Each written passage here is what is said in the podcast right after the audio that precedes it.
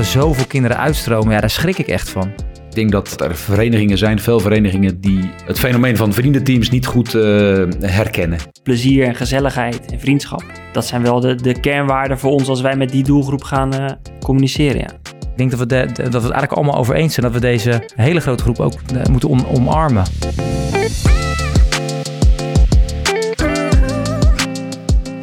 Lieve luisteraars, welkom bij De Jeugd heeft de toekomst. Een podcast van de KNVB over jeugdvoetbal in al haar facetten. Een podcast waarin ik, Piotr van der Marel, samen met een co-host in de wonderenwereld van het jeugdvoetbal duik. Samen met mijn co-host vraag ik mijn gasten het hemd van het lijf. En gaan we op zoek naar hun visie, ziens en werkwijze. Welkom bij De Jeugd heeft de toekomst. Eigenlijk zouden we deze podcast moeten starten met de tune van All Stars. De roemruchte VARA-serie over een groep vrienden die de pannen van het dak speelden bij de plaatselijke Zwift Boys. We gaan het namelijk hebben over vriendenteams. Bij mijn oude vereniging denk ik dan direct aan de A2 en onze buurvereniging had de A3. Dit waren jaloersmakende teams. Het leek alsof voor hen voetbal bijzaak was. Maar bovenal was daar die vriendschapsband. Niet alleen op het veld, maar ook daarbuiten in de jeugdsociëteit, bijbaantjes en andere hobby's. Ze waren immers altijd samen. Het leek namelijk alsof voetbal bijzaak was. Maar dat was het natuurlijk niet. Voetbal verbond deze mannen. Op het veld strijdend voor elke meter grond, in de kroeg zij aan zij aan de bar. We praten over dit thema met Sico Bot, marketeer bij de KNVB, en Rick Jansen, bestuurder van SVA Assen-Delft. Maar ik wil beginnen met het voorstellen van mijn nieuwe sidekick, Clay Ruperti scheidsrechter betaald voetbal en medewerkerontwikkeling arbitrage bij de KNVB. Klee, welkom. Heb jij wel eens een uh, vriendenpotje gefloten? Zeker. En uh, de uitspraak die me daarvan is bijgebleven is... scheids, het is geen Champions League, hè?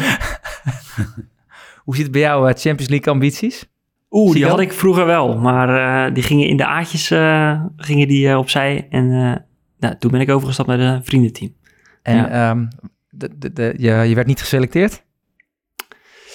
Zou je kunnen zeggen. Of ik, uh, ik dacht zelf dat ik... Uh, nou, ik had geen tijd meer voor de trainingen drie keer in de week. Dat soort dingen. Dus ik heb in principe in de jeugd dat wel redelijk in de selectieteams gespeeld. maar vanaf de aardjes werd me dat te veel. Wilde ik uitgaan. Dat soort dingen. En toen, toen ben ik eigenlijk een vriendenteam gestart. Oké. Ja. Rick, welkom. Ja, ik, ja, dankjewel. Hoe kijk jij naar het fenomeen vriendenteams? heel positief. Ik heb er zelf ook jaren in gevoetbald. Het is eigenlijk een beetje bij mij eh, per ongeluk begonnen. Ook in de jeugd. En uh, ook een soort A2-team. Wat uh, een heel leuk team was. En uh, konden geen leiders krijgen. En de ouders die werden dan op een gegeven moment leiders. En ja, een one-liner die ik daarvan herinner is... verloren we met 10-0. En een van de leiders die zei dan altijd van... jongens, geef niks als je maar lekker gevoetbald hebt. Ja, zo, zo hoort het ook, toch? Ja, zo hoort het ook, ja. ja. Hoe verweven jullie dat in je in je club? Hoe verweven wij dat in de club? Um, nou, we hebben ten eerste het geluk dat we een grote club zijn. Dus we hebben veel aanwas, veel jeugd. En dat betekent dat je daar ook een beetje naartoe kan werken. Want je hebt natuurlijk wel jongens nodig en meiden om uiteindelijk tot vriendenteams te kunnen komen. En dan kijk je met name naar de, naar de wat mindere goden. En dan probeer je daar toch uh, teams op samen te stellen. En die niet weer uit elkaar te halen doordat een paar jongens misschien iets beter kunnen voetballen. En daar moet je een beetje naartoe werken. En een beetje de jongens ook het idee geven, en de meiden, het idee geven dat dat soort teams mogelijk zijn binnen een club. En hoe, hoe faciliteer je dat? Kan je daar een uh, voorbeeld van geven? Nou, in ieder geval de samenstelling. Dat je al op jonge leeftijd uh, start met, ja, willen graag bij vriendjes voetballen. Nou, er zitten natuurlijk ook jongens tussen die, of meiden, die goed kunnen voetballen, die hoger moeten voetballen. Maar ja, je zult dan toch uh, echt door moeten gaan en selecteren ook binnen de lagere groepen om die bij elkaar te houden. En dat, dat kun je actief doen binnen een club. Zo, mag ik daarop aanhaken? Of? Ja, natuurlijk. Ja, want ik, ik weet nog wel dat ik in, in de jeugd, en dat is dan de eetjes was dat toen nog. Dus dat is nu de onder, nou, daar ben ik altijd heel slecht in. Maar, en, en ik zat in de E3 en ik werd geselecteerd voor de E1. Uh, maar in de E3 speelde ik met al mijn vrienden en die kende ik allemaal goed. En ik, ik wilde eigenlijk helemaal niet naar de E1. Ik wilde veel liever gewoon in de E3 met mijn vriendjes spelen. Dus ik weet nog wel best wel dat ik dat helemaal niet zo heel leuk vond dat ik naar de E1 moest. Want ja, zo werd het wel een soort van gebracht van ja, je bent geselecteerd of hè, je Ja. moet doorstromen. Dus je bent bijna verplicht om daar eh, aan die E1 eh, in de E1 mee te gaan doen. Maar het wordt, dan niet, het wordt ook niet aan spelers gevraagd wat ze willen. Nee, helemaal niet. Dus het- nee, ik moest het een soort van als leuk nieuws zien. Van, Tuurlijk, uiteindelijk is het ook gewoon tof. En weet je, eh, eh, maar omdat jij zegt van ja, je gaat, je gaat eh, automatisch de goede spelers uit de lagere elftallen trek je eruit. Ja. Terwijl, willen ze dat dan wel echt? Of vinden ze het eigenlijk veel leuk om gewoon met die vriendjes te blijven spelen? en hun eigen vriendenteampje, om het zo maar te zeggen, te, te behouden. Ja. Ja, Ja, als je binnen de club daar mensen hebt lopen, dus leiders of bestuurders die daar een beetje een antennetje voor hebben, ja, dan kun je die kant op gaan denken. Dat is wel heel belangrijk. ja, En dat het niet de focus alleen maar gericht is op prestaties. ja. En dat het niet mag binnen een club. Teams samenstellen van mindere goden.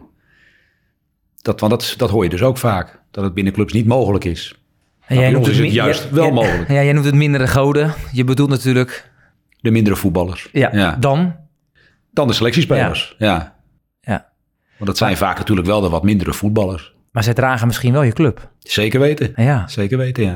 En daar kunnen best ook goede voetballers tussen zitten. En die moet je ook eh, respecteren, denk ik. Want sommige jongens, ja, wat jij vertelt, die willen helemaal niet hoog voetballen. Die willen lekker met hun vrienden. En dat was bij ons ook zo. ja. In ons team vroeger. Klee, kijk eens terug naar jouw eh, carrière als speler. Ja, Zat jij in een selectieteam of vriendenteams? Nee, ik zat in een selectieteam, maar dat kwam met name omdat het een kleine club was en er niet zo heel veel teams waren. Dus dan was je al snel eh, nou ja, gewoon het hoogste team in die eh, lichting. Ehm, en ik was ehm, eh, keeper eh, daar. Ehm, dus toen ook al een ehm, eenling zou je kunnen zeggen. Ehm, en ja, ik weet wel dat bij ons de focus niet heel erg lag op dat prestatieve. Dus was vooral ook lekker bezig zijn met elkaar. Lekker trainen twee keer in de week. Wedstrijdjes spelen. Het neemt natuurlijk niet weg dat je dan wel ook gewoon dat resultaat wil boeken. Hè? Dus je wilt eh, die wedstrijden winnen. Ehm, maar de nadruk lag bij ons ook wel heel erg op gewoon lekker met elkaar bezig zijn. En dat heb ik altijd wel heel erg gewaardeerd ook. Ja, en heb jij, als je daar nu op terugkijkt, heb je dan nog steeds contact met die spelers? Nee, met een, met een enkeling. Dus het is niet zo dat het een vriendschap voor het leven heeft eh, opgeroepen als het eh, waren. Nee. Ik vind het wel een mooie slogan van de KNVB, een leven lang voetbal. Ja? Mooi hè? Ja, ik heb daar ook wel anders door, eh, met mijn achtergrond, met eigenlijk alleen maar selectieteams te werken, ben ik daar ook wel anders naar gaan kijken. Want ik, ik dacht nooit na over de spelers die niet in een selectieteam zaten. Je denkt alleen maar na over de spelers die wel in een selectieteam zitten. En juist die andere teams, die maken je club, zijn eigenlijk, eigenlijk al veel meer betrokken bij de vereniging. Ik zag ook veel meer vrijwilligersfuncties die werden ingevuld door niet-selectieleden. Eh, namen ook minder snel afscheid van, van je vereniging. Dus dat, eh, ja, ik denk dat we, de, dat we het eigenlijk allemaal over eens zijn dat we deze groep, hele grote groep, ook eh, moeten om- omarmen. En eh, hoe kijk je daarnaar als marketeer, Sico? Wat is Nou, jouw functie bij de KNVB? Ja, ja, ja, ja. Nou ja, dus, dus als marketeer is eigenlijk de grootste focus ligt voor ons ook vooral op die recreatieve voetballen. Omdat is ook de grootste groep. En die speelt het spelletje omdat ze het gewoon leuk vinden. Eh, terwijl die prestatieve voetballer hè, in de selectieteams, ja, die wil gewoon die wil winnen, die wil de beste zijn. Dus die, die hebben al een soort van intrinsieke motivatie om altijd wel te gaan voetballen op een bepaalde manier. Eh, dus, dus voor ons is het een, nou, de grootste groep en daardoor ook gewoon een hele belangrijke groep om ja, bezig te blijven zijn van dat voetbalaanbod wat wij hebben als KNVB of wat we aanbieden aan clubs. eh, sluit dat nog wel aan op de behoeften van die recreatieve voetballer? Hoe meet je dat dan, of dat aansluit? Nou ja, dat, dat onderzoeken we. Dus we gaan in gesprek met clubs, we gaan in gesprek met voetballers zelf. eh, we doen uitstroomonderzoeken jaarlijks waaruit blijkt waarom ben je gestopt, eh, wat kunnen we anders doen. Dus we hebben daar best wel, ja, ik denk wel dat wij wel echt wel veel informatie vanuit, vanuit clubs en, en voetballers krijgen om daar eh, aanpassingen in te doen. Ja, En als je kijkt naar die uitstroom, schrik je dan? soms wel. Eh, nou ja, als je bijvoorbeeld de 1923 eventjes, hè, het is natuurlijk vanuit jeugd gedacht, is eh, de, de stap van junioren naar senioren is, zien we eigenlijk als de grootste stap. Eh, en we zien ook daar dat, nou, in die 1923 categorie, dat daar ook wel de grootste uitstroom plaatsvindt binnen het voetbal. En die stoppen 9 van de 10 keer niet omdat ze het spelletje niet leuk vinden. Ehm, eh, of ze zijn geblesseerd, of het past gewoon niet meer bij hun behoeften. Of ze vinden het niet meer leuk, of eh, de, de teamgenootjes waarmee ze mee spelen zijn niet meer eh, zoals, nou, zoals ze die zouden willen. Ehm, En daar proberen wij wel als KNVB op in te spelen. Van nou, hoe kunnen wij verenigingen daarbij ondersteunen? Hoe kunnen we het voetbalaanbod daarop aanpassen? En op die manier zijn we daarmee bezig. En denk jij, Klee, dat een, uh, dat rol als trainer, is dat anders? Een vriendenteam of een selectieteam? Speel je Ja. een andere rol? Dat denk ik wel. Ehm, ik denk ook dat je... Ik, het ene vriendenteam zal het andere niet zijn. Hè, want we, eh, ja, je, je kunt ze moeilijk allemaal over één kam scheren, denk ik. Maar ik denk dat dat als trainer ook heel belangrijk is... dat je weet van de groep die je voor je hebt... van waar zijn ze hier voor? Hè, is het ehm, lekker lol maken met elkaar... en dat moet ik gewoon zoveel mogelijk begeleiden? Ehm, of... ehm, ja, zijn het vrienden van elkaar, maar willen ze ook wel gewoon in de beste opstelling voor het beste resultaat gaan ieder weekend. Dus ik denk dat daar ook nog wel een hele grote eh, diversiteit in zit. Hoe, hoe doen jullie dat? Ehm, Hoe begeleiden jullie de trainers daarin? Eh, de trainers die ehm, hebben daar denk ik een wat minder grote rol in als de leiders. En het bestuur, het jeugdbestuur. Ik denk, want ik denk dat die, die kinderen van, van 16 tot, eh, tot 19, nou kinderen, de wat oudere kinderen, die komen vaak niet zelf op het idee om een vriendenteam te beginnen. Dus Dat moet, ze wel even verteld worden. Kijk, ik was, had vroeger het voorbeeld, omdat mijn vader daar ook eh, een actieve rol eh, in speelde in de vereniging. En daarop dacht ik van, dat wil ik eigenlijk ook. Dus ik, ben, ik heb zelf het initiatief genomen. En ik denk dat je dat moet uitdragen als vereniging, dat het mogelijk is. Ja. En dat dat veel meer effect heeft als dat een trainer ehm, daar een actieve rol in speelt. Want die is toch vaak bezig met prestatiegericht en ik wil winnen. En, en, en krijgen jullie die teams ook nog wel bemand met een, met een trainer of, eh, of leider? Of, of, ehm, Nou, dat kan heel Coach? lastig zijn. Dat kan heel lastig zijn. Maar als ze wat ouder worden, dan gaan ze gewoon zelf trainen. Dan gaan Ja, ze op dat- woensdagavond ja. eh, gaan ze lekker een partijtje voetballen. Ja. En daar heb je eigenlijk helemaal geen trainer meer bij nodig. en, en bij de jeugd? Bij de jeugd, Krijgen jullie het eh, nog rond? dat is soms lastig. Zeker, ja. Maar het lukt toch nog redelijk, ja. ja. Dan- Dan zit het, toch, Ouders spelen dan Ja. een rol. Ja. Zit het toch ook wel in jullie visie van de club dat jullie eh, dat ieder kind ja, er mag zijn ja, zeker. Zeker. en dat je oog voor die doelgroep hebt? Ja. En ook activiteiten aanbieden. Hè? Dat je zegt van, joh, eh, zeker die, ook die lagere teams, joh, ga één keer per jaar lekker bowlen of karten met z'n allen, ik noem maar wat. Dat je daar een budget voor, eh, voor maakt. Ja, mooi. Moet je daar ook niet ouders in meenemen? Want ik kan me ook voorstellen dat bij ouders van huis uit dan nog heel erg de neiging is van... maar ik moet het beste voor mijn kind, dus hij moet ook in het hoogste team. Ja, maar dat, dat klopt. Maar het is ook heel grappig om te zien dat als die kinderen op een iets lager niveau heel veel lol hebben, dat die ouders zich daar ook, eh, ook, ook vriendengroepen gaan vormen rond dat team. Ja. Dus als die, die, eh, die jongens en meiden dan eh, een jaar of twintig eh, worden en echt in de senioren gaan voetballen, dan blijven die ouders ook betrokken. En de kantine zit vol Ja. na afloop. Met ouders en de voetballers. En dat zie je met name dan bij de, bij de zaterdagteams bij ons gebeuren. Dus dat is echt heel, eh, heel leuk om te zien, ja. Ja, maar jullie zijn een hartstikke groeiende vereniging en snel groeiend. Want hoe, maar hoe gaat dit dan samen? Want vaak wat ik zie en hoor, is dat dan toch weer alle aandacht gaat naar selectieteams. Dus die twee, de onder 12-1 en de onder 12-2, die krijgen die twee, die, die goede trainers. Of de, Ja. eh, ja, geef er een naam aan. En, en wat doen we met de rest van de kinderen? Ja, het zit bij ons eigenlijk gewoon in de cultuur van de vereniging ook. Ah. En dat, dat is niet van de ene op het andere jaar eh, zo gegroeid. Dat is van vroeger uit al. En eh, door het steeds weer te benoemen en het idee te geven aan, eh, aan iedereen dat het mogelijk is, wat ik net al zei. Ja, dan, dan creëer je dat op een gegeven moment. Dat ontstaat. Ze willen een vriendenteam vormen. En je moet natuurlijk ook wel een beetje geluk hebben vaak. Het lukt natuurlijk lang niet altijd. Want die uitstroom is, eh, is heel groot, wat jij zegt. En eh, ja, dat, dat voorkom je zeker niet altijd. Ook bij onze club. Ja. Hebben jullie veel contact ook met, met de spelers zelf? Van, eh, hoe zij erin staan, hoe ze er tegenaan kijken? Ja. Ja. En hoe regelen jullie dat bij de club? Ehm, nou ja, we hebben een ontzettend grote vereniging met een betrokken bestuur die al jaren bij de club zit, jeugdbestuur. En wij, zijn dat, wij, wij lopen er ook omheen.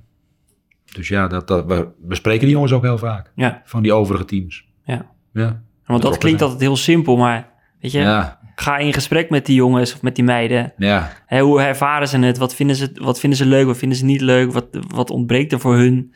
ja. Als je dat al op een bepaalde manier kan, kan doen als club, op wat voor manier dan ook. Ja, volgens mij haal je daar al super waardevolle informatie uit die je dan kan gebruiken ja. om ze gewoon tevreden te houden. En, en wat jij zegt klopt denk ik ook, dat zit in de cultuur. Ja. Dus, dus, dus met, dat hoort ook bij het vrijwilligersleven, denk ik. Ja. Eh, vereniging, eh, vrijwilligers. Eh, heb je daar veel last van? Hoe dat, dat? tekorten aan vrijwilligers, sorry. Het tekort aan vrijwilligers. Ehm, valt het nou, mee, natuurlijk is dat ook een spanningsveld bij ons, zeker. Want niet iedereen wil in de kantine staan, achter de bar. Dus dat, dat hou je toch altijd. Ehm, maar ik vind dat we zelf niet mogen mopperen. Dus, je, dus het blijft het stimuleren van dit soort ja, dingen. Ja, ja. Kijk, we, het begint al eh, heel oud. We hebben een maandagochtendploeg, een, eh, een donderdagochtendploeg. Eh, de kinderen daarvan zitten weer in het bestuur. Eh, die kinderen die voetballen weer. Die zitten ook weer in vriendenteams of spelen in de selectie. Dus dat zit eigenlijk wel door de hele ver- Ja. vereniging heen verweven. Ja. Dat geluk hebben wij gehad. En eh, ja, Piotr, we hadden het net over de rol van de trainer. Hè? Jij hebt natuurlijk eh, in die rol lang eh, rondgelopen ook. Hoe ging jij daar dan mee, eh, mee om? Ik denk dat het helemaal niks uitmaakt. Ik vond net heel mooi wat jij zei, dat je dus kijkt naar de groep die je voor Mhm. je hebt.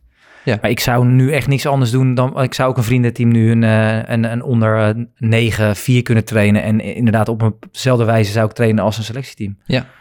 Maar dat houdt in dat je oog hebt voor de kinderen die je voor je hebt. De jongens en meiden. Wat voor karakters zitten, daarin? En hoe stimuleer je dat ze die lol in het voetbal blijven houden? En dat ze dus niet... Ja, je zei net, eh eh, Sico, aan het begin van de... In de voorbereiding zei al dat er zoveel kinderen uitstromen. Ja, daar schrik ik echt van. En dat kan gewoon niet de bedoeling zijn van onze sport. En dat Nee. zit ook wel in het selectieverhaal. Dus dat eh, kinderen zich of gepasseerd voelen, maar ook dat ze te weinig aandacht krijgen. Dat er, wat jullie doen, eh, Rick, Ja. vragen naar wat hebben ze nodig. Ja, Dus dat, en, eh, en, en jij bent dan een trainer die, die weet hoe je met zo'n groep om moet gaan en daarna moet luisteren en op basis daarvan een training moet afstemmen Ja. of iets dergelijks. Maar ja, als daar een gemiddelde ouder eh, voor Ja. de groep staat, die heeft misschien niet dat, hè, die ideeën daarover en hoe je dat op de beste manier kan aanpakken. En ik denk dat bijna alle clubs worstelen wel met dit, met dit gegeven. Ja, nee, dat, dat is Ja. ook heel lastig, ja. Ja, dat, dat ja is kijk, heel... eh, eh, ja. mensen gaan ook ergens anders wonen. Die gaan bij de club Ja. vandaan. Dat gebeurt natuurlijk ook. Het, het is niet eh, ieder team gegeven dat, eh, dat men jarenlang bij elkaar blijft voetballen. En ik denk dat elke club ook wel worstelt om die selecties, eh, selecties dus ook de, de, de niet-selectie, Ja. selectie, dat je die teams eh, probeert te bemannen met, met een goede trainer. Ja. Maar ja, alle kinderen verdienen in mijn beleving diezelfde aandacht. Ja. Ja, zeker. Want uiteindelijk gaat het erom dat je, eh, want dat, daar heb ik ook mm, eh, in de voorbereiding van deze podcast over nagedacht. Dan kwam ik in de A1 en dat was niet meer hetzelfde, eh, team als wat we hadden in de, in de, bij de eetjes, zeg maar, bij de, bij de onder, wat is het, Eh, onder 10 Ja. dat was toch een ander team geworden. Ja. Dus er zijn heel veel kinderen alweer eerder gestopt. Maar ook wel weer teleurstellingen. Eh, nou, misschien ook wel gewoon klaar met de sport. Dat kan. Maar Ja, dat, Dat kan niet. Voetbal blijft altijd het leukste, toch? ja, dat, ja, ik kan me ook niet voorstellen. Ehm, eh, Rick, jij vertelde over, eh, eh, over dat je zelf in een vriendenteam gespeeld hebt. ja. Wat vond je daar het belangrijkste aan voor jezelf? Ehm, nou, ik vond het wel belangrijk dat er gewoon goed gevoetbald werd. Leuk gevoetbald werd. Dat iedereen zijn best deed. En dat was ook vaak wel zo. Eh, ondanks dat het natuurlijk wel eens moeilijk was. Als er eh, zaterdagavond ergens een feestje was en we moesten zondagmorgen om tien uur weer, eh, weer aantreden. Maar het was wel belangrijk dat, eh, dat iedereen er gewoon eh, er was. En dat, dat ging goed. Dat vond ik heel belangrijk. En vervolgens, eh, ja, gewoon met elkaar eh, die wedstrijd beleven. En na afloop eh, met elkaar eh, ja, nazitten. Dat hoorde er natuurlijk ook bij. En dat was met name heel gezellig. Sico? Ja, de derde helft natuurlijk. Ja, daar gaat het om. Hoe, probeer jouw groep eens te omschrijven. Oh, Is dat dan nog steeds diezelfde groep als- als tien jaar Toevallig geleden? zei ik het net tegen Rick ook dat ik, nou, wij zijn in de A'tjes bij elkaar gekomen als vriendenteam. Eh ik denk dat de harde kern daarvan nog eh, bij elkaar is, maar dat er in die, nou ja, 10, 14 jaar zoiets eh, heel veel weg zijn gegaan en ook weer heel veel bij zijn gekomen. Dus dat, maar dat is denk ik ook wel het goede van een vriendenteam, is dat het, ehm, ja, hoe zeg je dat? Het houdt zichzelf levende als het ware. Dus Ja. er komen altijd, er komt altijd nieuw aanwas. Eh er gaan altijd een paar weg, omdat het nou ja, niet meer past voor ze of zo. Maar zo'n team zorgt wel altijd vanuit zijn eigen netwerk dat het gewoon door blijft gaan. En dat is wat dat betreft, als het eenmaal in de senioren zit, zo'n team, dan heb je er misschien als vereniging ook helemaal niet zoveel omkijken meer naar. Behalve de dingen faciliteren die je moet faciliteren natuurlijk. Maar zo'n ja, zo'n team bedruipt zichzelf wel, zeg maar. En dat zie ik bij ons ook heel erg. Neem je dan deze ervaring ook mee naar je werk bij de KNVB? Ehm, Dat je weet wat er zich afspeelt in de kleedkamer en op het veld. Ja, dat, is altijd voor mijn werk altijd wel fijn dat ik ook een beetje vanuit mijn eigen belevingswereld natuurlijk eh, te werk kan gaan. Dus wij, wij, nou als wij campagnes maken of bepaalde communicatie naar die doelgroep, dan proberen we dat wel een beetje vanuit datzelfde sfeertje, uh, vriendenteam, kelderklasse, uh, bierteam, nou ja, vanuit dat idee een beetje te doen. En vanuit plezier en gezelligheid en vriendschap. Dat zijn wel de, de kernwaarden voor ons als wij met die doelgroep gaan communiceren, ja. En, en is dat nog aan het veranderen? Zijn er nieuwe uh, initiatieven vanuit de KNVB hierin? Uh, om die groep ook te blijven enthousiasmeren? Ja, nou, dat is, dus dat zit wel iets meer op, op het seniorenstuk. Maar ik denk dat dat zeker in die overgang van jeugd naar senioren ja. wel belangrijk is. Is eigenlijk het 7 tegen 7 voetbal. Waarvan we nu ook zeggen dat doen we niet alleen maar voor de 35 en de 45 plus. Maar ook voor de 18 plus. Dus ook voor de jongvolwassenen. Uh, en dat zijn we vooral gestart omdat we zien dat die groep soms geen elftal meer op de been kan krijgen. Uh, maar je wil wel dat team, hè, die, die vrienden als het ware, bij elkaar houden. En die gaan liever met, met vrienden 7 tegen 7 spelen. Uh, dan dat ze of stoppen of verspreid worden over andere teams waar ze geen nou ja, connectie mee hebben of iets dergelijks. dus dat is wel iets waar we vorig seizoen mee zijn gestart. En waar we echt wel in willen doorzetten om dat 7 tegen 7 nog bekender te maken bij die doelgroep. En ehm, te laten zien dat dat geen veteranenvoetbal is. want het is, ik heb het zelf ook gespeeld. Het is eigenlijk nog intensiever uh, en leuker, want je krijgt vaker de bal uh, dan het normale 11 tegen 11 op een groot veld. Uh, ja, dus daar proberen wij wel als KNVB meer op in te zetten. Ja. Dat is heel belangrijk dat dat dan ook bekend wordt bij de clubs. Dat is daar een heel belangrijk onderdeel Wat ik van. net dus zei, van je moet wel op het idee komen. Ja, ja, dus, maar dat is inderdaad ook... Ja, bij ons is het altijd enerzijds moeten we de clubs heel goed informeren over de mogelijkheden zodat de clubs weten wat voor competitieaanbod ze kunnen, kunnen organiseren. En dat naar teams kunnen, kunnen communiceren. En aan de andere kant moeten we ook alle voetballers ervan op de hoogte stellen dat dit er is. Ja. Uh, en dat ze naar een club toe kunnen bewijzen van... van hé, hey, wij, willen, we hebben 7 tegen 7 gezien. Bieden wij dat ook aan? Of kunnen wij dat ook doen? Dus het is altijd wel tweeledig bij ons, ja. Dat klopt. En uh, daar soms ja. moeten we, oh sorry, ja, nee. soms moeten wij daar als KVB ook wel uh, misschien nog meer ons best voor doen om het echt goed over te brengen bij de verenigingen. Welke mogelijkheden er zijn en hoe ze daar echt mee om kunnen gaan. En liggen daar grote kansen voor jullie nog? Dat denk ik wel. Ik denk dat wij nou, misschien wel nog meer of beter of uh, ja, ja, meer of beter kunnen communiceren naar clubs over dat voetbalaanbod. En waarom we ook al die verschillende Hè, soms klinkt het een beetje van, oh, ze hebben weer wat nieuws bedacht, uh, weet je. Um, maar dat doen we allemaal met een reden en allemaal vanuit die verschillende behoeftes die voetballers hebben. En want voetballers willen niet allemaal 11 tegen 11 op zaterdag. Uh, kinderen niet en volwassenen niet. En daarin proberen wij heel erg te kijken van, nou, hoe kunnen we dan dat aanbod op die verschillende behoeften, hoe kunnen we dat aanpassen? Ah, wat is het aanpassen, ja. Waarom geen tv-spotje in de rust van het Nederlands elftal, 7 tegen 7 voetbal? Ja, ja. Daar kijkt iedereen naar. Ja, een beetje duur alleen. ja, ik zou het graag willen. ja, ja. Goed. Ja. ja. Dan bereik je wel heel veel mensen. Nee, ja, zeker. Zeker, ja. Zeker merk je wel echt heel erg dat door de jaren heen ook gewoon die behoeftes zo heel veel anders worden. Uh, dat ja. het voorheen gewoon was, ja, je speelde of op zaterdag of op zondag en uh, succes ermee. Maar dat het nu echt ja. veel ja, eisender dat, is. Dat inderdaad. Hè? Of je gaat als jongen op voetbal of als meisje op hockey. Even heel uh, sec gezegd. Dat is natuurlijk ook heel anders. Je kan, jeugd kan van alles en nog wat doen tegenwoordig. En dat doen ze volgens mij ook. Plus, uh, iedereen is maar druk uh, op sociaal vlak, op werkvlak, op, nou, op allerlei manieren. Uh, dus er is ook gewoon niet meer de tijd om elke zaterdag te voetballen en twee keer in de week te gaan trainen. Dus je ziet ook dat, dat ze daarin op zoek zijn naar flexibele manieren hè, te kunnen voetballen. Of, of, of wat minder vaak op de vrijdagavond. Hè, de vrijdagavond zien we ook steeds meer in trek ja, als speelavond. Ja, uh, ja dus daar, daar moet, ja, dat is een beetje een maatschappelijke mm -hmm. ontwikkeling ook. Hè? Het moet allemaal uh, makkelijk en uh, flexibel en alleen wanneer het mij uitkomt.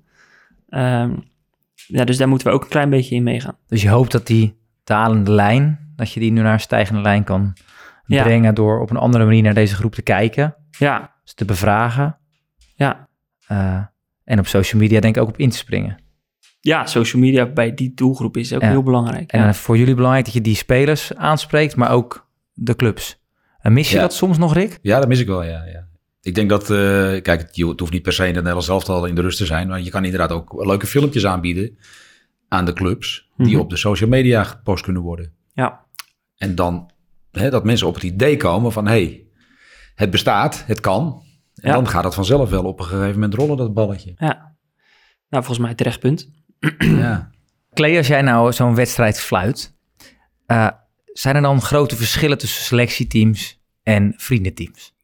Ja, d- dan moet ik wel een klein beetje in mijn, eh, mijn geheugen graven. Want ik, ik probeer ook een beetje nu weg te blijven van die eh, wedstrijden eh, van de vriendenteams, noem ik ze maar even. En niet omdat ik daar op neerkijk, maar ja, er is echt zo'n andere mindset in dat soort wedstrijden, wat ik net wel even aangaf. Hè. Je doet het eigenlijk ook nooit goed, want ehm, als je jezelf een beetje probeert erop in te stellen, dan is het scheids wel een beetje serieus. Hè? Want we zijn hier wel gewoon met een wedstrijdje bezig. En ben je te serieus, nou, wat ik net zei, dan is het scheidsen dus geen Champions League. Dus dat is altijd een hele lastige, lastige balans. Maar ik heb juist ontzettend veel respect voor eh, nou ja, de mannen en vrouwen die dat eigenlijk ehm, wekelijks doen. Want eh, nou ja, voor ons in het betaald voetbal is het allemaal tot eh, achter de komma geregeld. En eh, ja, hoef je over heel weinig na te denken. Maar ga er maar aan staan ehm, elk weekend bij de wedstrijden van die vriendenteams. Waar echt heel veel meer uitdagingen komen kijken dan waar wij in het weekend mee te maken krijgen. Dus ik heb eigenlijk ontzettend veel respect voor de mensen die dat ieder weekend doen. Wat is dan de grote uitdaging, Sico? Als ik, eh, als ik nou jullie zou moeten fluiten? Of valt het mee? Nou, eh, als ik over mijn eigen team praat, dan valt het natuurlijk heel erg mee. Ehm, nou ja ik, kan- ik denk, ik, ja, ik denk dat ik wel begrijp dat er soms misschien iets meer ongeregeldheden of, of andere zaken bij komen kijken dan een, een wat prestatievere wedstrijd. Dus dat kan, ja, dat kan ik me wel voorstellen. Ehm, en ik, ik herken het probleem ook heel erg, want wij staan bijna elke thuiswedstrijd zonder scheidsrechter. Eh, en dan moeten we dat maar zelf eh, zien te regelen. Ja. Dus dan wisselen we vaak uit met andere teams dat we elkaars wedstrijden fluiten. Eh, maar als ik voor mezelf spreek, en ik denk eigenlijk ook wel voor heel veel recreatieve voetballers, dan is dat wel een heel belangrijk punt wat mijn spelbederf een beetje, of dan zou zeggen dat spelplezier Ja, bederft, sorry. Ja. Geen scheids hebben, want niemand wil zijn eigen wedstrijd fluit, moeten fluiten of iets dergelijks. Dus dat is, eh, ja, dat is ook echt wel een, eh, zeker bij de vriendenteams, recreatieve teams. En ik weet niet zo goed, bij de jeugd denk ik dat het ook meespeelt, is een, scheids, een scheidsrechter überhaupt. En een goede scheidsrechter is ook echt wel van belang. Maar ik, ja, ik denk dat Rick daar misschien ook wel... Nou ja, bij ons hebben we een aantal mensen die eh, vast eh, die teams toch wel fluiten. Die En- horen ook en op, voor- bij dat Vooral bij de jeugd Ja. ook? Oh, bij de jeugd? ehm, nee, bij de jeugd niet. Hoe doen jullie dat bij de jeugd? Nou, we hebben een scheidsrechtersbegeleider die eh, een hele grote groep scheidsrechters heeft. En eh, ja, liefst zo groot mogelijk, maar dat lukt lang niet altijd. En dan, zullen, dan fluiten ook ouders. Ja. Ja, en dat, dat verplichten jullie of hoe organiseren jullie dat? Ja, anders kunnen ze niet voetballen. Dus Ja. ja, dat lost zich dan zelf wel op. maar de en, selectieteams worden dan wel bemand. Die worden wel bemand, ja. Ja, En soms natu- natuurlijk door de KNVB. KNVB, ja. Ja. ook door de KNVB. En niet, En ook door daar de... gaan we weer, de vriendenteams. Hoe, eh, dus een, onder 13 eh, ehm, 4, 11 tegen 11. Ja, dat, daar zit de, de scheidsrechtersbegeleiding eh, wel bovenop. Maar ja, die zijn ook wel afhankelijk van de aanwas. En eh, ja, dat kunnen we niet helemaal eh, elke week garanderen. Nee. nee, dat lukt gewoon niet. En dan staan er ouders. Dan staan er ouders te Ja. fluiten, ja. ja. Ja, dat gebeurt. Ja. Zeker. En dat is wel eens lastig. Had jij dan wel eens zo'n wedstrijdje van een ander team, Zico? Ik? Ja. ik sta altijd vooraan als, ik, eh, als dat gevraagd wordt. Ja. Ja, Vind je leuk? niet zo. Oké. Nee, nee, nee. Het is niet mijn, eh, mijn roeping. Nee, precies. Nee. maar dat is ook gewoon goed, denk ik hoor. Eh, gewoon al, al is het maar om een beetje door te hebben hoe een scheidsrechter bepaalde zaken ervaart. Om het af en toe toch even Het zou te bijna goed zijn als elke vereniging dat bijna verplicht zou stellen. Eh, het lost één het probleem op en anderzijds misschien ook wat wederzijds respect. Mooi. Dus dat is misschien eh, een ander onderwerp, maar Nou, ik denk dat het hier ook wat te maken mee heeft. ja. Over wederzijds eh, respect gesproken. Ik heb mijn eh, goede vriend Nathan Rutjes eh, even de microfoon gegeven en gevraagd wat hij nou van vriendenteams vindt. Eh, daarnaast komt daar altijd een vraag uit van, eh, van Nathan. Dus eh, ik ben benieuwd eh, of hij jullie kan verrassen. Hoi Piot! Tijdens mijn eh, actieve voetballoopbaan sprak ik altijd één hoop uit. Fit blijven, zodat ik na mijn carrière nog lekker kon blijven voetballen met mijn vrienden bij Alexandria 3. Het liefst nog 30 jaar. Er zijn profvoetballers die zeggen nooit van mijn leven dat ik op zo'n niveau ga spelen. Want dan ga ik me namelijk irriteren.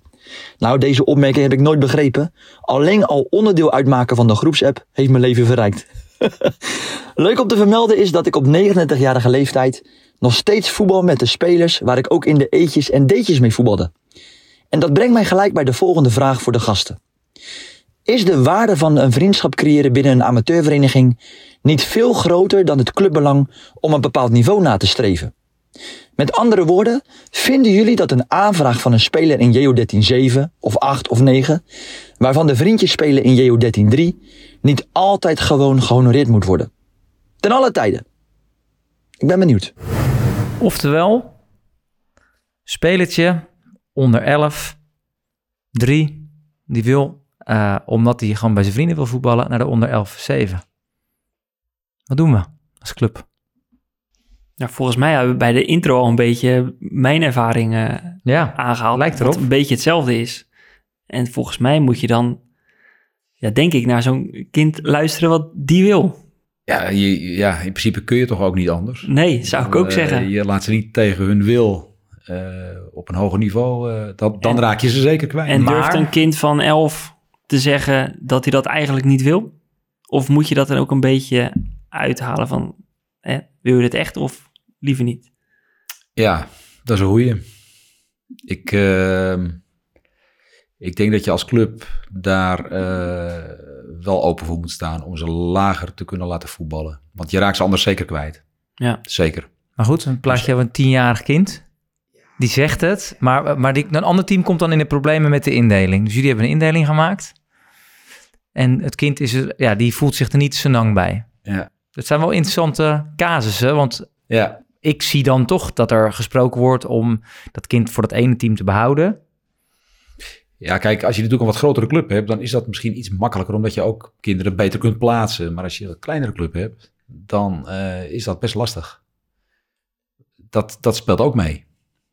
Dus je kunt wel, eh, als je twee teams hebt, dan maakt dat het moeilijker. Maar dan denk ik dat je zo'n kind in de twee moet laten voetballen. Ja.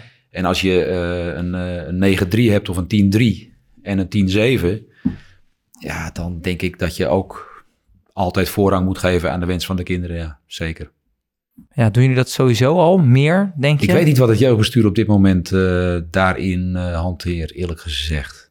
Dat, dat, dat durf ik niet te zeggen. Nee, dat weet ik niet. Ik weet niet of ze dat doen. Hoe kijk jij daarnaar, Klee?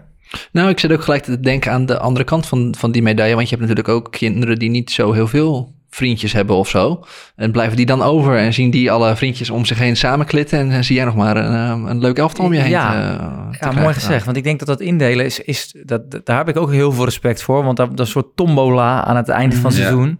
En nogmaals, gaan weer selectie, wordt heel snel geformeerd. Die, die, dat, is, dat, is, dat, dat lukt wel. Eh, en de rest, ja, dan wordt er of gekeken naar vriendschap, of naar lengte, of naar breedte, of, of eh, hoe je het wil zien. Dat is ook wel de, club, eh, de clubvisie, is daar bij iedereen anders. Maar dat is ook wel heel, heel erg lastig. Heb je daar een tip voor, Sico? We leggen hem even bij jou. Ja, ja ik los hier even het probleem op. Nee, ja, ik denk dat je gewoon uiteindelijk vanuit de jeugd, als je be- bepaalde teams bij elkaar zet, dat je moet proberen om die door alle jeugdelftalletjes heen zoveel mogelijk bij elkaar te houden. Want wat, wat Klee ook volgens mij een beetje zegt, het is ook juist, dat is ook juist de periode dat je vriendjes maakt. Ja, Hè? En dat je in een elftal komt en nieuwe, eh, met nieuwe jongetjes om je heen of meisjes om je heen, eh, die je misschien in eerste instantie niet zo leuk vindt. Maar misschien, hè, doordat je gaat voetballen samen, dat dat ineens daarna je beste vriendjes worden. ja, maar maak dan het niveau uit. Nee, nee, zeker Nee, niet. dus dat, nee, dat, nee, is- nee. dat is dus wat, wat sommige clubs hebben, is dat je dan toch dat je de, eh, vanaf 1 naar 7, dus dat je daar een, een ranking doet in niveau. Dat is al heel lastig te bepalen, Ja, maar daar zet je misschien jezelf wel helemaal klem als club. Dat denk ik ook. Ja. ja volgens mij moet je die kinderen altijd eh, voorrang geven. En, en daar moet je naar luisteren. En dan zet je jezelf, denk ik, niet klem. Dat denk ik ook niet. Nee, nee. Want die kinderen die gaan er niet beter van voetballen als ze tegen hun wil Ja, hoog moeten voetballen. En er niet naar ze geluisterd wordt. Dus het- er is maar één weg volgens mij. En ik kan me ook niet voorstellen dat er clubs zijn die, eh, die dat anders doen. en als het nou een exceptioneel talent is, hè? Een exceptioneel talent. Ja, we hebben een Ja. nieuwe, nou, weet ik- Ja, dan nog. Dan nog. ja toch? Je gaat het niet ja, winnen. Spelplezier staat volgens moet ten Ja, alle tijden gewoon ook. vooraan staan. Je gaat het niet winnen. Ja, Dus je moet, dat altijd, je moet er altijd naar luisteren. Ja. En ik denk ook als je, ja, wat je net zei van die teams samenstellen. eh, ze gaan op een gegeven moment van, eh, van zeventallen gaan ze naar elftallen. Ja. En daar zul je dus ook meerdere teams moeten samenstellen. Ja. En daar kun je ook al op sturen op vriendjes. ja. En dan, ja, dan ontkom je er ook niet aan dat er soms wat betere voetballers tussen zitten. En Maar ik vind dat je omgekeerd ook eh, makkelijk moet kunnen doen. Als, als kinderen toch hoger willen voetballen, ja, dan moet je er ook naar luisteren. En dan kan het wel. Want daar is een club op ingericht. Zo hoog ja. mogelijk. Ja. Ja, ja. En andersom denken, dat is dan moeilijk, kennelijk. Ja, is dat, ook een, is dat een, misschien ook wel een tip voor, voor clubs? Als wij nou eens naar kijken, waar liggen nog kansen voor verenigingen in hun beleid hierin? Eh, nou ja, ik denk dat, eh, dat, dat er verenigingen zijn, veel verenigingen die eh, toch het, het, het fenomeen van vriendenteams niet goed herkennen. En dat, heel veel, dat er te veel uitstroom is. En je moet, je moet daar gewoon go- goede mensen op hebben. En die moet je natuurlijk ook wel hebben, die daar ier op zijn. En die dat, die dat eh, ja, dat zijn vaak ouders. Ik vond ook in, in, in, mijn, in onze tijd, tenminste als jeugdspeler, in die tijd, dat waren ook hele andere type trainers. Dus eh, zij, ver- ja, wat ik ook zei in mijn intro, zij, zij konden heel goed die groep verbinden. Ja, Gingen, eh, die, die had, dat, dat, was, dat was toch echt heel anders. Inderdaad, wij moesten twee keer trainen en dan hele schabloontrainingen. En deze gasten trainden ook anders, maar zij waren er wel altijd. ja. En dat, dat maakte ik ook door, door te zeggen, die opmerking over jaloersmakend. Soms keken wij er ook wel eens naar, van het leek wel of, of zij wel meer plezier hadden dan wij. Ja. Ja. Ja. Ja, Ik had een trainer in de A2 en die, eh, die, ging, ja, die gaf ons de bal en die ging in de kantine koffie drinken. en wij gingen lekker trainen. Ja, nou ja, prima. Ja, dat wilden we toch? Gewoon een lekker partijtje. voetballen, ja. ja. En dat gezeur en rondjes lopen, dat wilden we allemaal niet. Hoor. nee. hebben, hebben wij nog andere tips voor verenigingen? Nou ja, er is natuurlijk altijd een, een hoofdopleiding. Misschien moet er ook een hoofdvriendenteam eh, aangesteld worden. Even een nieuwe functie die ik hier eh, het leven roep. Ja, Eh, en dat is natuurlijk heel lastig, want precies wat jij zegt, eh vrijwilligerstekort en mensen vinden is allemaal super lastig. Maar ja, als je op een of andere manier iemand kan aanstellen die, die zich veel meer richt op die vriendenteams, lagere elftallen, hoe, hoe, hoe hebben die het naar hun zin, Eh, hoe gaat het doorstroom, dat soort zaken. Welke activiteiten kunnen we voor hun organiseren of wat kunnen we ze geven? Ja, als, als je dat als vereniging kan, zoiets kan opzetten, misschien dat... eh, Nou, ik vind het een, een hele goede. Wat, ehm, ja, we sluiten eigenlijk altijd af in de podcast met een rondje tips. Ik denk dat dit een hele belangrijke is. Ehm, ja, nou heb ik mijn tip Ja. gegeven. Ja. ja. Hoofdvriendenteam, HVT. Die, Ja. hoofdvrienden. Ja, ja, ja, ja. Nou, voor mij, voor mij het, het tip wat, wat jullie ook wel zeiden, is luister nou ook weer naar die doelgroep. En dan denk ik toch, ja, dat gebeurt gewoon nog echt te weinig. Ja. En ik denk dat jullie ook wel een mooi voorbeeld zijn in als je hoort eh, en leest over hoe jullie dat doen, dat, dat, dat ook die cultuur binnen zo'n vereniging zo belangrijk is. ja, dat klopt. Dat, dat zij er mogen zijn en dat ze serieus worden genomen van jongs af aan. Ja. Ja, knap. Niet dat wij ook niet prestatiegericht zijn hoor, want dat is natuurlijk ook zo. Nee, maar dat gaat eh, samen, denk ik. Goede trainers en eh, goed eh, beleid daarin. Goede technische commissie. Maar ook, ja, bij ons staan de vriendenteams toch ook wel eh, bovenaan. Wat zou een tip zijn voor jou, voor andere verenigingen? Nou, een goede tip voor andere verenigingen eh, kan zeker zijn dat je eh, aanbiedt om eh, vrienden ook niet alleen op zondag te laten voetballen, maar ook op zaterdagen. Dus een zaterdag vriendenteam te vormen. Of nu met de nieuwe mogelijkheden die er zijn eh, op vrijdagavond. Want jullie zijn een Jong zondagclub. senioren. We zijn een zondagclub, ja. ja, ja. Maar we hebben nu dus eh, drie zaterdagteams. En eh, dat zijn dus ook vriendenteams. Zo zijn ze erin gezet. En dat, dat functioneert uitstekend. Dat zijn recreatieve teams. Geen selectieteams. En die trainen zelf. Die hebben een eh, leuke recreatieve trainer erboven zitten. Maar dat, ze trainen ook gewoon zelf. Woensdagavond en eh, lekker nazitten. En eh, prachtig. Functioneert prima. Mooi, goede tip. En dat geeft een hele gezellige kantine op Ja. zaterdagmiddag. ondanks dat we een zondagclub zijn. Warm zet. ja, ja, Ja. ja, Klee?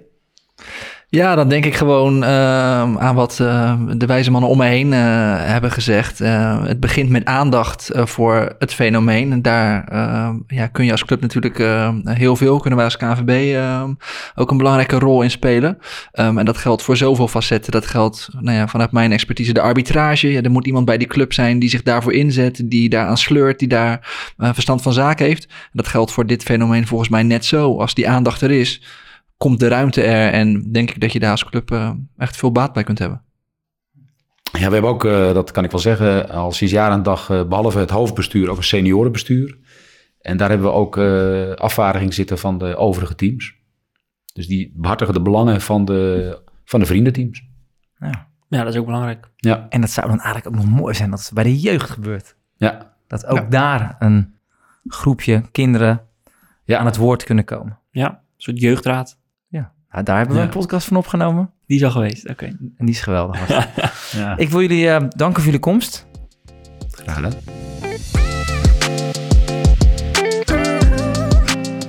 Beste luisteraars, ik wil jullie danken voor het luisteren naar deze podcast.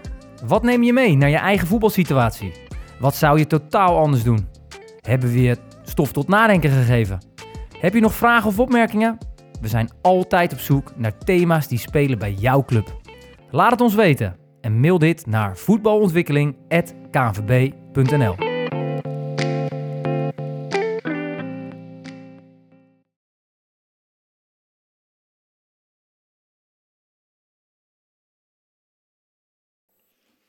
Ehm, we hebben het al gehad over de cultuur binnen de club bij jullie, bij Assen Delft. Eh, en als je nou kijkt naar jullie aantrekkingskracht, waarom kiezen kinderen om bij jullie te komen voetballen? Ehm, nou, dat heeft vaak ook wel te maken met, eh, met de ouders natuurlijk. Ehm, doordat wij eh, niet alleen maar de nadruk leggen op alleen maar selectie en het beter worden, en, maar ook nadruk op vriendenteams. En die vriendenteams die wat ouder worden, die hebben ook hun eigen netwerk en die stralen dat zelf ook uit met hun teams op social media. Ouders lezen dat, eh, beleven dat ook op zaterdagen. Dat straalt uit. Mensen vinden het gezellig. Die denken van, hé, hey, daar wil ik mijn kind ook wel laten voetballen. Bij zo'n vereniging. Dus gezelligheid boven Ja. het prestatief. Ja, dan gezelligheid boven het prestatieve, ja. Dat heeft dus aantrekkingskracht. Absoluut.